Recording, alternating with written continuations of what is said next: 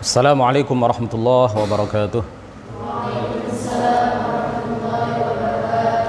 الحمد لله رب العالمين. له النعمة وله الفضل وله الثناء الحسن. صلوات الله البر الرحيم والملائكة المقربين على سيدنا محمد طه الأمين وعلى آله وصحبه الطيبين الطاهرين. رب اشرح لي صدري ويسر لي أمري وثبتني على الإيمان. اللهم لا سهل إلا ما جعلته سهلا. وأنت يا حي يا قيوم تجعل الحزن إذا شئت سهلا. أما بعد إلى أشرف النبيين محمد رسول الله صلى الله عليه وسلم وآله وذريته وأزواجه وأهل بيته الكرام.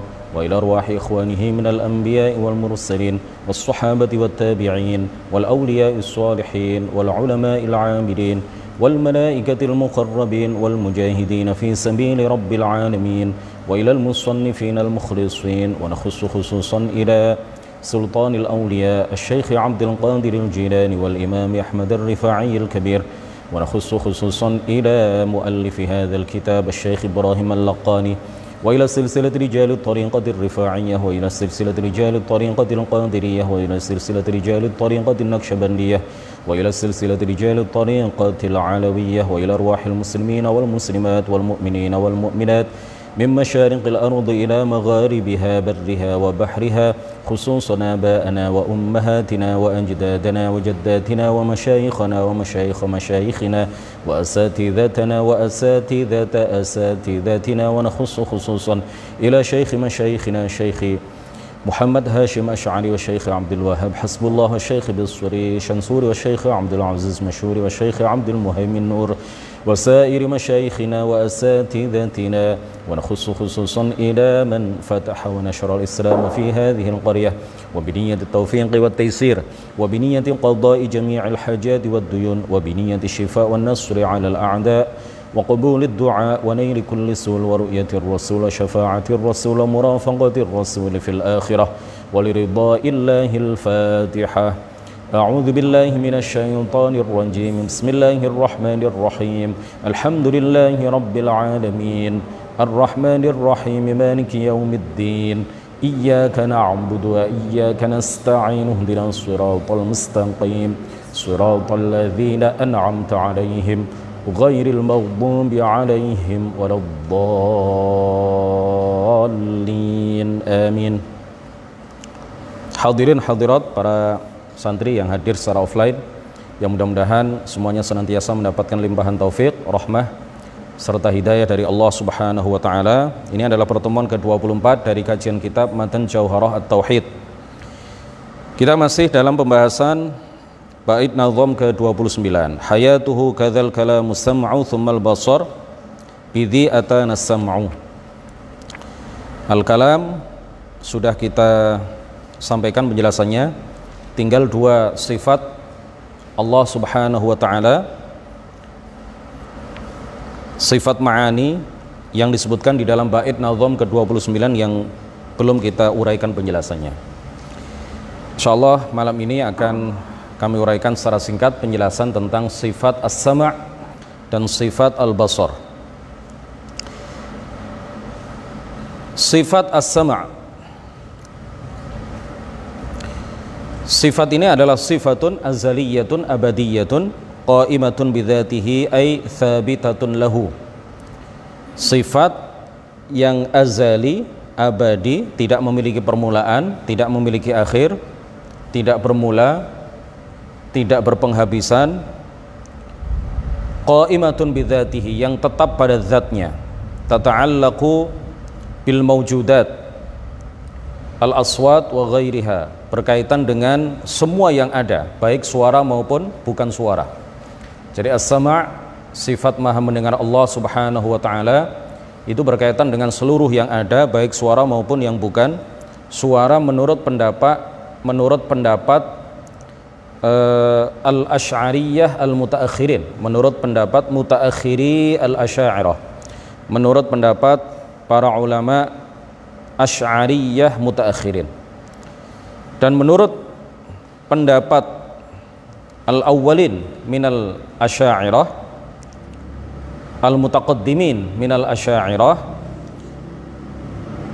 sifat as-sama' sifat maha mendengar Allah Subhanahu wa taala itu tata'allaqu bil aswat atau tata'allaq bil masmu'at berkaitan dengan suara tidak berkaitan dengan segala hal berkaitan dengan suara dan segala hal yang didengar ini juga adalah e, pendapat sebagian ulama Maturidiyah, para pengikut madhab Imam Maturidi. Jadi pendengaran Allah Subhanahu wa taala tidak seperti pendengaran makhluk. Makhluk mendengar butuh alat, butuh organ, butuh jarak dekat. Kalau jauh tidak bisa mendengar kecuali dengan alat, kecuali dengan bantuan media, kecuali dengan internet dan lain sebagainya handphone, butuh jaringan uh, telepon, butuh jaringan internet, butuh organ, butuh alat, butuh uh, banyak hal ya. Pendengaran makhluk itu memiliki banyak sekali keterbatasan. Suara yang didengar kemudian ditangkap oleh bagian telinga, bagian luar dari telinga, kemudian dikirim ke bagian tengah dari telinga, dikirim lagi ke bagian dalam dari telinga, kemudian dikirim ke otak, otak kemudian mengidentifikasi ini suara apa ini.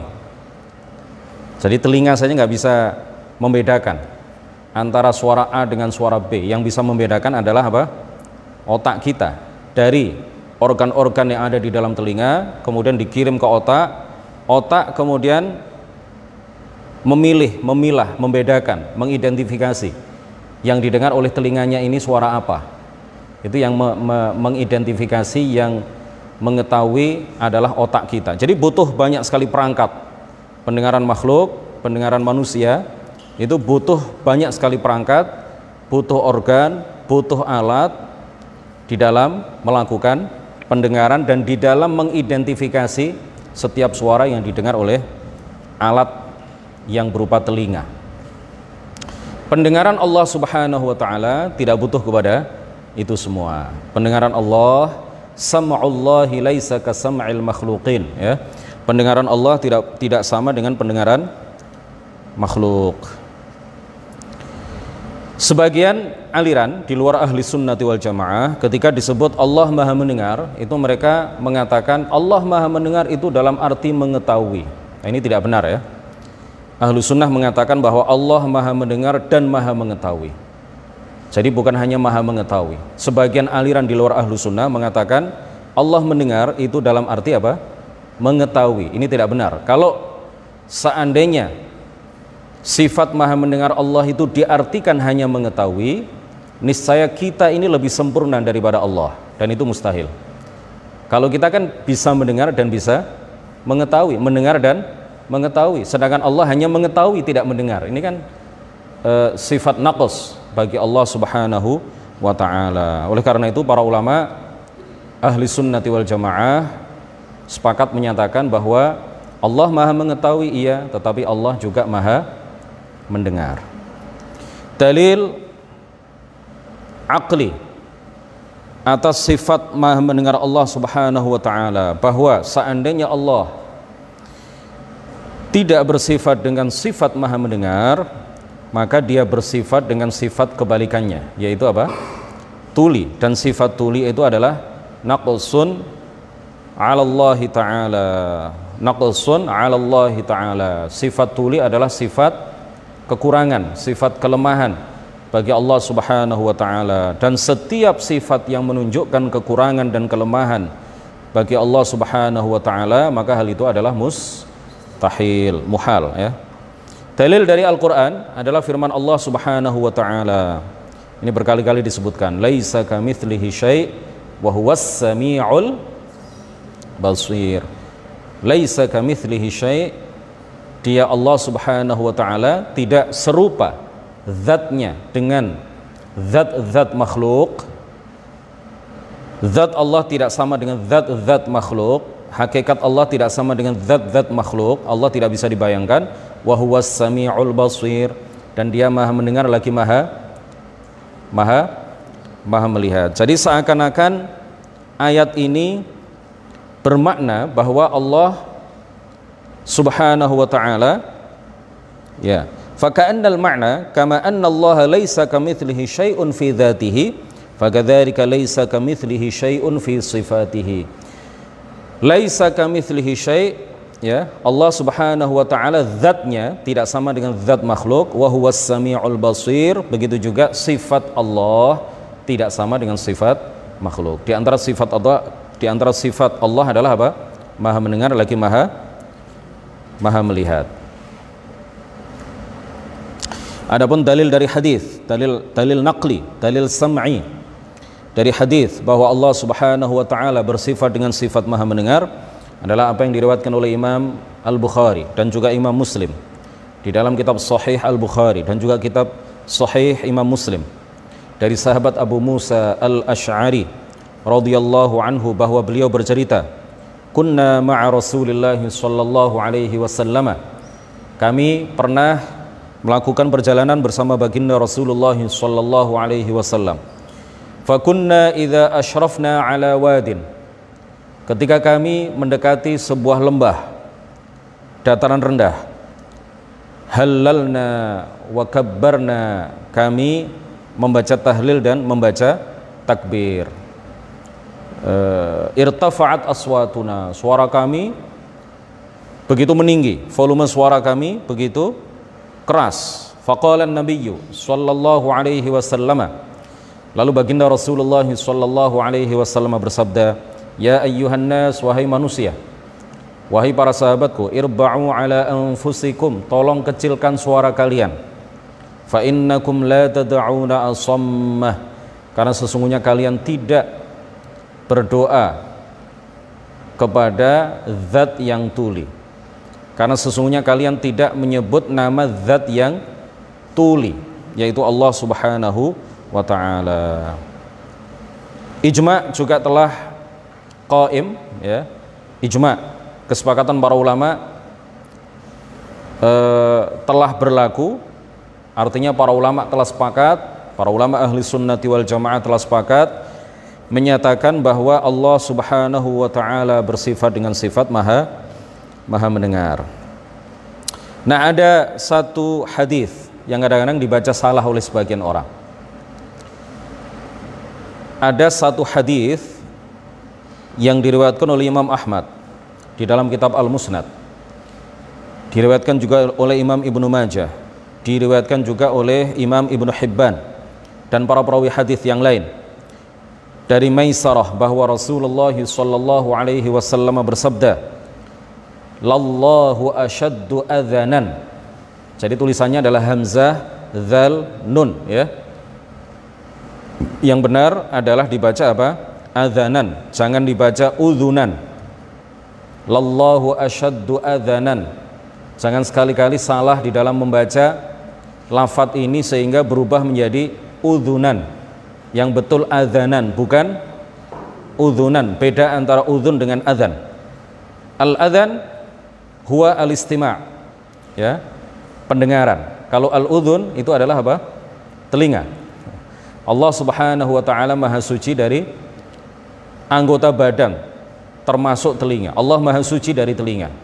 Ya Allah maha mendengar tanpa teli telinga. Jadi jangan salah membaca hadis. Jika tidak ada harokatnya lallahu asyaddu hamzah dzal nun. Jangan dibaca udhunan tetapi dibaca adzanan. Lallahu asyaddu adzanan. Hadisnya bunyinya seperti itu lirrajulil hasanis sauti bil quran min sahibil qainati ila qainatihi lallahu asyaddu adzanan lirrajulil hasanis sauti bil qur'ani min sahibil qainati ila qainatihi al qainah itu artinya al bughanniyah penyanyi perempuan. Ya. Jadi arti dari hadis ini adalah lallahu asyaddu adzanan lirrajulil hasanis sauti bil qur'ani.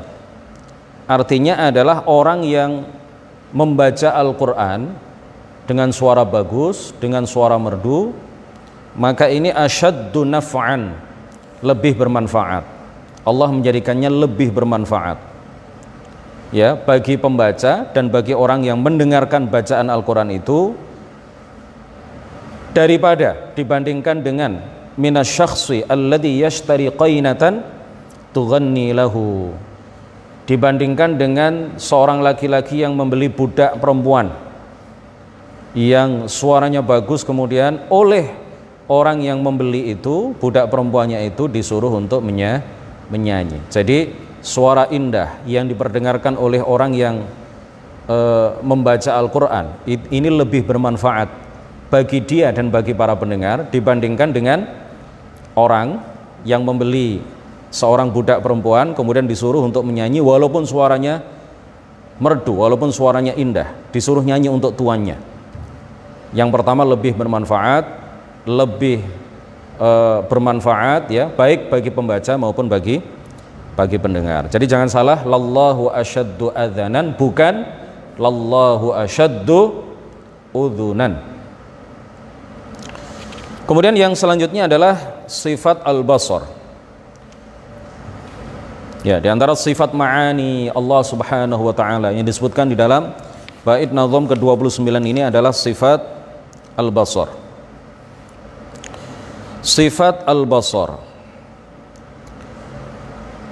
Allah Subhanahu wa taala menurut pendapat al-mutaqaddimin minal asy'ariyah menurut para pendapat menurut pendapat para ulama uh, mutaqaddimin, para ulama terdahulu dari al-asy'ariyah atau al-asy'ariyah Allah Subhanahu wa taala melihat kullal mubsarat bi basarihi al-azali. Allah Subhanahu wa taala melihat segala yang dilihat. Jadi ta'alluq sifat al-basar itu kalau menurut para ulama mutaqaddimin dari al-asy'ariyah berkaitan dengan al-mubsarat bukan berkaitan dengan segala yang ada. Ya, adapun menurut para ulama mutaakhirin dari kalangan Asy'ariyah, Allah Subhanahu wa taala yara kulla maujud. Allah Subhanahu wa taala melihat segala yang ada. Kalau pendapat yang pertama Allah melihat segala yang e, bisa dilihat. Ya. Sedangkan pendapat yang kedua mengatakan Allah melihat segala yang ada. Ya, segala yang ada. Nah, sifat penglihatan Allah Subhanahu wa taala, sifat Maha mendengar Allah Subhanahu wa taala. Ya, ini keterangan yang panjang kalau mau di dirincikan sangat panjang keterangannya dan mungkin kita nggak mudeng ya. Pembahasan ini eh, apakah berkaitan dengan al-mubsarat atau berkaitan dengan kul maujud atau kullal maujudat. Nah, ini pembahasan panjang yang rinciannya nanti insya Allah dijelaskan di kitab-kitab yang lebih besar atau dalam kesempatan yang lain. Jadi sifat maha melihat Allah subhanahu wa ta'ala itu tanpa hadaqah. Tanpa biji mata. Hadaqah itu artinya biji mata yang berwarna hitam. Biji mata yang berwarna hitam. Tanpa itu dan tanpa organ yang lain tanpa alat apa pun tanpa lensa tanpa kacamata tanpa bantuan siapa pun tanpa e, membutuhkan kepada cahaya. Allah Subhanahu wa taala melihat tanpa butuh kepada apa pun. Nah, sebagian aliran sama dengan yang tadi kami sampaikan bahwa sebagian kelompok di luar ahli sunnati wal jamaah menyatakan bahwa Allah Subhanahu wa taala melihat itu dalam arti mengetahui. Sebagaimana mereka juga mengatakan Allah mendengar itu dalam arti apa? Mengetahui. Kalau seandainya seperti itu berarti kita lebih sempurna. Sifat kita lebih sempurna daripada Allah Subhanahu wa taala. Kita tidak hanya melihat tetapi juga mengetahui. Kalau Allah hanya hanya mengetahui, tidak melihat, itu artinya kita lebih sempurna dari Allah dan itu mus mustahil. Dalil akli bahwa Allah Subhanahu wa taala Maha melihat Seandainya Allah tidak bersifat dengan melihat, niscaya Allah Subhanahu wa taala a'ma. Apa? A'ma itu apa? Buta, ya. Dan kebutaan wal 'ama naqsun 'ala Allah taala. Dan sifat buta itu adalah sifat yang menunjukkan kekurangan bagi Allah Subhanahu wa taala dan setiap sifat yang menunjukkan kekurangan itu mustahil bagi Allah Subhanahu wa taala. Dalil dari Al-Qur'an. Laisa kamitslihi syai' wa huwas samiul basir. Jelas. Kemudian dalil dari hadis adalah apa yang diriwayatkan oleh Imam At-Tabarani di dalam kitab Al-Mu'jamul Kabir. Dari hadis sahabat Uqbah bin Amir. Beliau mengatakan sami'tu Rasulullah sallallahu alaihi wasallam yaqulu 'alal mimbari aku mendengar bahwa Rasulullah sallallahu alaihi wasallam mengatakan di atas mimbar Rabbuna sami'un basir. Tuhan kita adalah Tuhan yang maha mendengar dan maha melihat. Qala al-hafidh ibnu Hajar wa sanaduhu hasan. Sanad dari hadis ini derajatnya adalah hasan. Kemudian pengarang kitab ini, pengarang nazoman ini mengatakan apa? Bidhi atana sam'u hayatuhu kadzal kalamu sam'u thummal basar bidhi atana sam'u. As-sam'u artinya adalah ad-dalil as-sam'i atau ad-dalil atau kita menyebutnya apa? Ad-dalil an-naqli. Dalil naqli, dalil yang bersumber dari Al-Qur'an dan dari hadis ya, dalil sam'i atau dalil naqli. Nah, sifat kalam tiga sifat yang disebutkan di dalam bait nazom ke-29 ini al-kalam, as-sama' al-basar itu tidak hanya berdasarkan dalil nakli. Ya. Tidak hanya berdasarkan dalil apa? Nakli. Tetapi juga berdasarkan dalil akli. Ya, sebagian ulama mengatakan tiga sifat ini hanya berdasarkan dalil dalil nakli. Tetapi sebagian besar ulama mengatakan tidak hanya berdasarkan dalil nakli, tetapi juga berdasarkan dalil dalil akli. Ya, sebagaimana hal itu disebutkan oleh Al Imam Abdul Hasan Al Ash'ari, sebagaimana dikutip uh, oleh Imam Al Juwaini di dalam kitab Luma'ul Adillah. Wa aqarrahu wa taba'ahuma al baqillani. Dinyatakan e, benar ya hal itu dinyatakan ditegaskan juga dan diikuti oleh Imam Al-Baqillani. Di dalam kitab At-Tamhid Asy-Syahrastani di dalam kitab Nihayatul Iqdam Abu Sa'ad Al-Mutawalli di dalam kitab Al-Mughni At-Taftazani di dalam kitab Syarhul Maqasid dan lain sebagainya. Jadi memang ada sebagian ulama yang mengatakan sebagian ulama ahli sunnah wal jamaah yang menyatakan bahwa sifat kalam, sifat sama', sifat basar itu hanya berdasarkan dalil nakli tidak berdasarkan dalil akli tapi para ulama yang lain di antaranya eh, nama-nama yang kami sebutkan tadi mereka mengatakan bahwa tiga sifat ini tidak hanya berdasarkan dalil nakli tetapi juga berdasarkan dalil akli juga berdasarkan dalil akli Bait nazam ke-30 Fahal lahu idrakun aw la khulfu wa 'inda qaumin sahha fihi al-waqfu. Fahal lahu idrakun? Apakah Allah Subhanahu wa taala memiliki sifat yang disebut idrak? Aula atau tidak? Khulfu terdapat perbedaan. Pendapat di kalangan para ulama ahli sunnati wal jamaah. Wa inda qaumin dan menurut sekelompok ulama sahha fihil waqfu yang benar adalah al-waqf tawakuf ya tawakuf itu artinya kita tidak mengatakan bahwa Allah memiliki sifat idrak. Idrak itu artinya sifat eh, apa maknanya sifat maha mengetahui ya. Tetapi dikatakan sebagai sifat apa eh, apakah Allah Subhanahu wa taala dikatakan memiliki sifat yang bernama idrak ya? Ataukah tidak? Ada perbedaan pendapat di kalangan para ulama. Wa inda qaumin sahha waqfu. Dan menurut sebagian ulama yang benar bahwa e, kita semestinya tawakuf ya.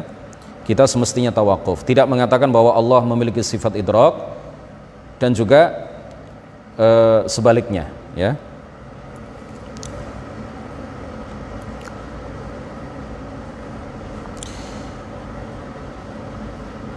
Walamma athbatna di sebagian kitab syarah Jauhara at-Tauhid dikatakan walamma athbatna bil adillatil aqliyati wan naqliyati kaunahu ta'ala sami'an bima'na annahu mudrikun kulla syai' bisam'ihi bila alatin. Ketika telah kami sebutkan telah kami tegaskan telah kami tetapkan dengan dalil-dalil aqli dan naqli bahwa Allah Subhanahu wa taala Maha mendengar dengan makna bahwa ia mengetahui segala sesuatu dengan pendengarannya tanpa alat apa pun basiran bima'na annahu mudrikun kulla syai'in bibasarihi bila alatin ketika telah kami tetapkan bahwa Allah Maha melihat dalam arti bahwa ia mengetahui dan melihat segala sesuatu dengan penglihatannya tanpa alat, tanpa organ, tanpa perangkat, tanpa alat apa pun. Anna Allah Ta'ala yudriku ay ya'lamu jami'al mudrakat allati yudrikuhal khalqu. Ketahuilah bahwa Allah Ta'ala mengetahui segala hal. Ya, Allah Subhanahu wa taala mengetahui segala segala hal min tu'umin yang berupa rasa.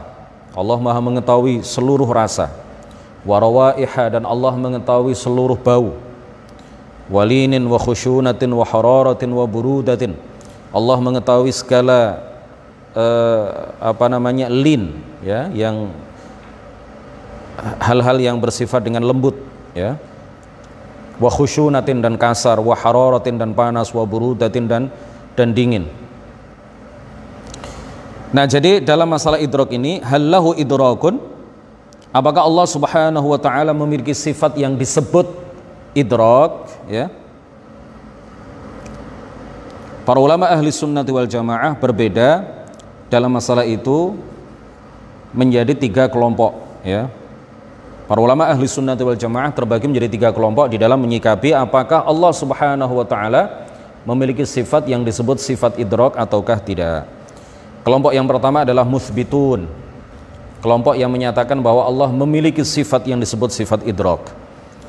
Kemudian yang kedua adalah nufat, kelompok yang menafikan, meniadakan, yang tidak sependapat dengan kelompok yang pertama. Kelompok yang kedua ini menyatakan bahwa Allah tidak memiliki sifat yang disebut sifat idrok. Cukup kita mengatakan bahwa Allah Maha mengetahui, Allah Maha mendengar, Allah Maha melihat, ya. Tidak perlu kita kita menyatakan bahwa Allah memiliki sifat sifat idrok. Kemudian yang ketiga adalah uh, wa mutawaqqifun. Ya, para ulama yang tawakuf, tidak bersikap, tidak mengisbat dan tidak menafikan, tidak menetapkan dan juga tidak meniadakan. Tawakuf. Tidak berpendapat.